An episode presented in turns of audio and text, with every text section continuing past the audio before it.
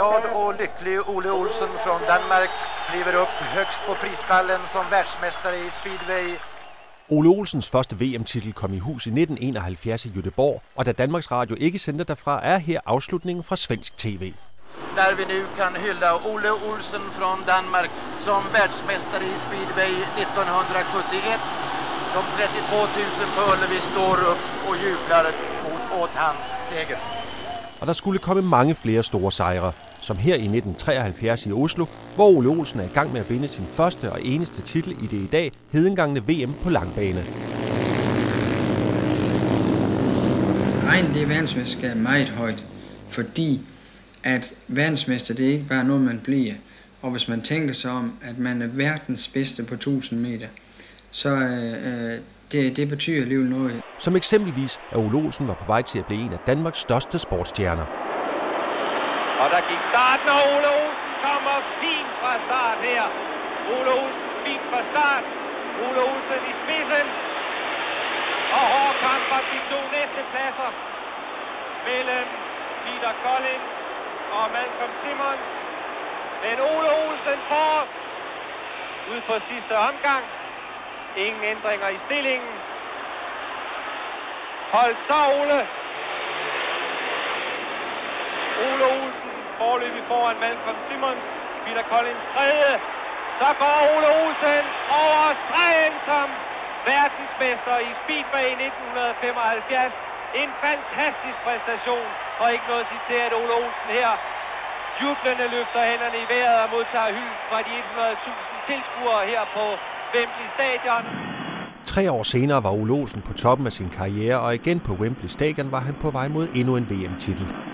Det er Ole Olsens 8. Speedway-finale, og Ole Olsen forløbig i spidsen for løbet for dette hit, hvor han altså selv kan afgøre det og blive verdensmester i Speedway ude på sidste runde. Ole Olsen ganske lille forspring til Malcolm Simons. Så er det nu, du skal holde hovedet kold, Ole Olsen. Ind i opgangssvinget. Og så er det en kendskærning. 32-årige Ole Olsen er verdensmester i Speedway 1978. Allerede her efter det 17. heat. Jublende Ole Olsen her.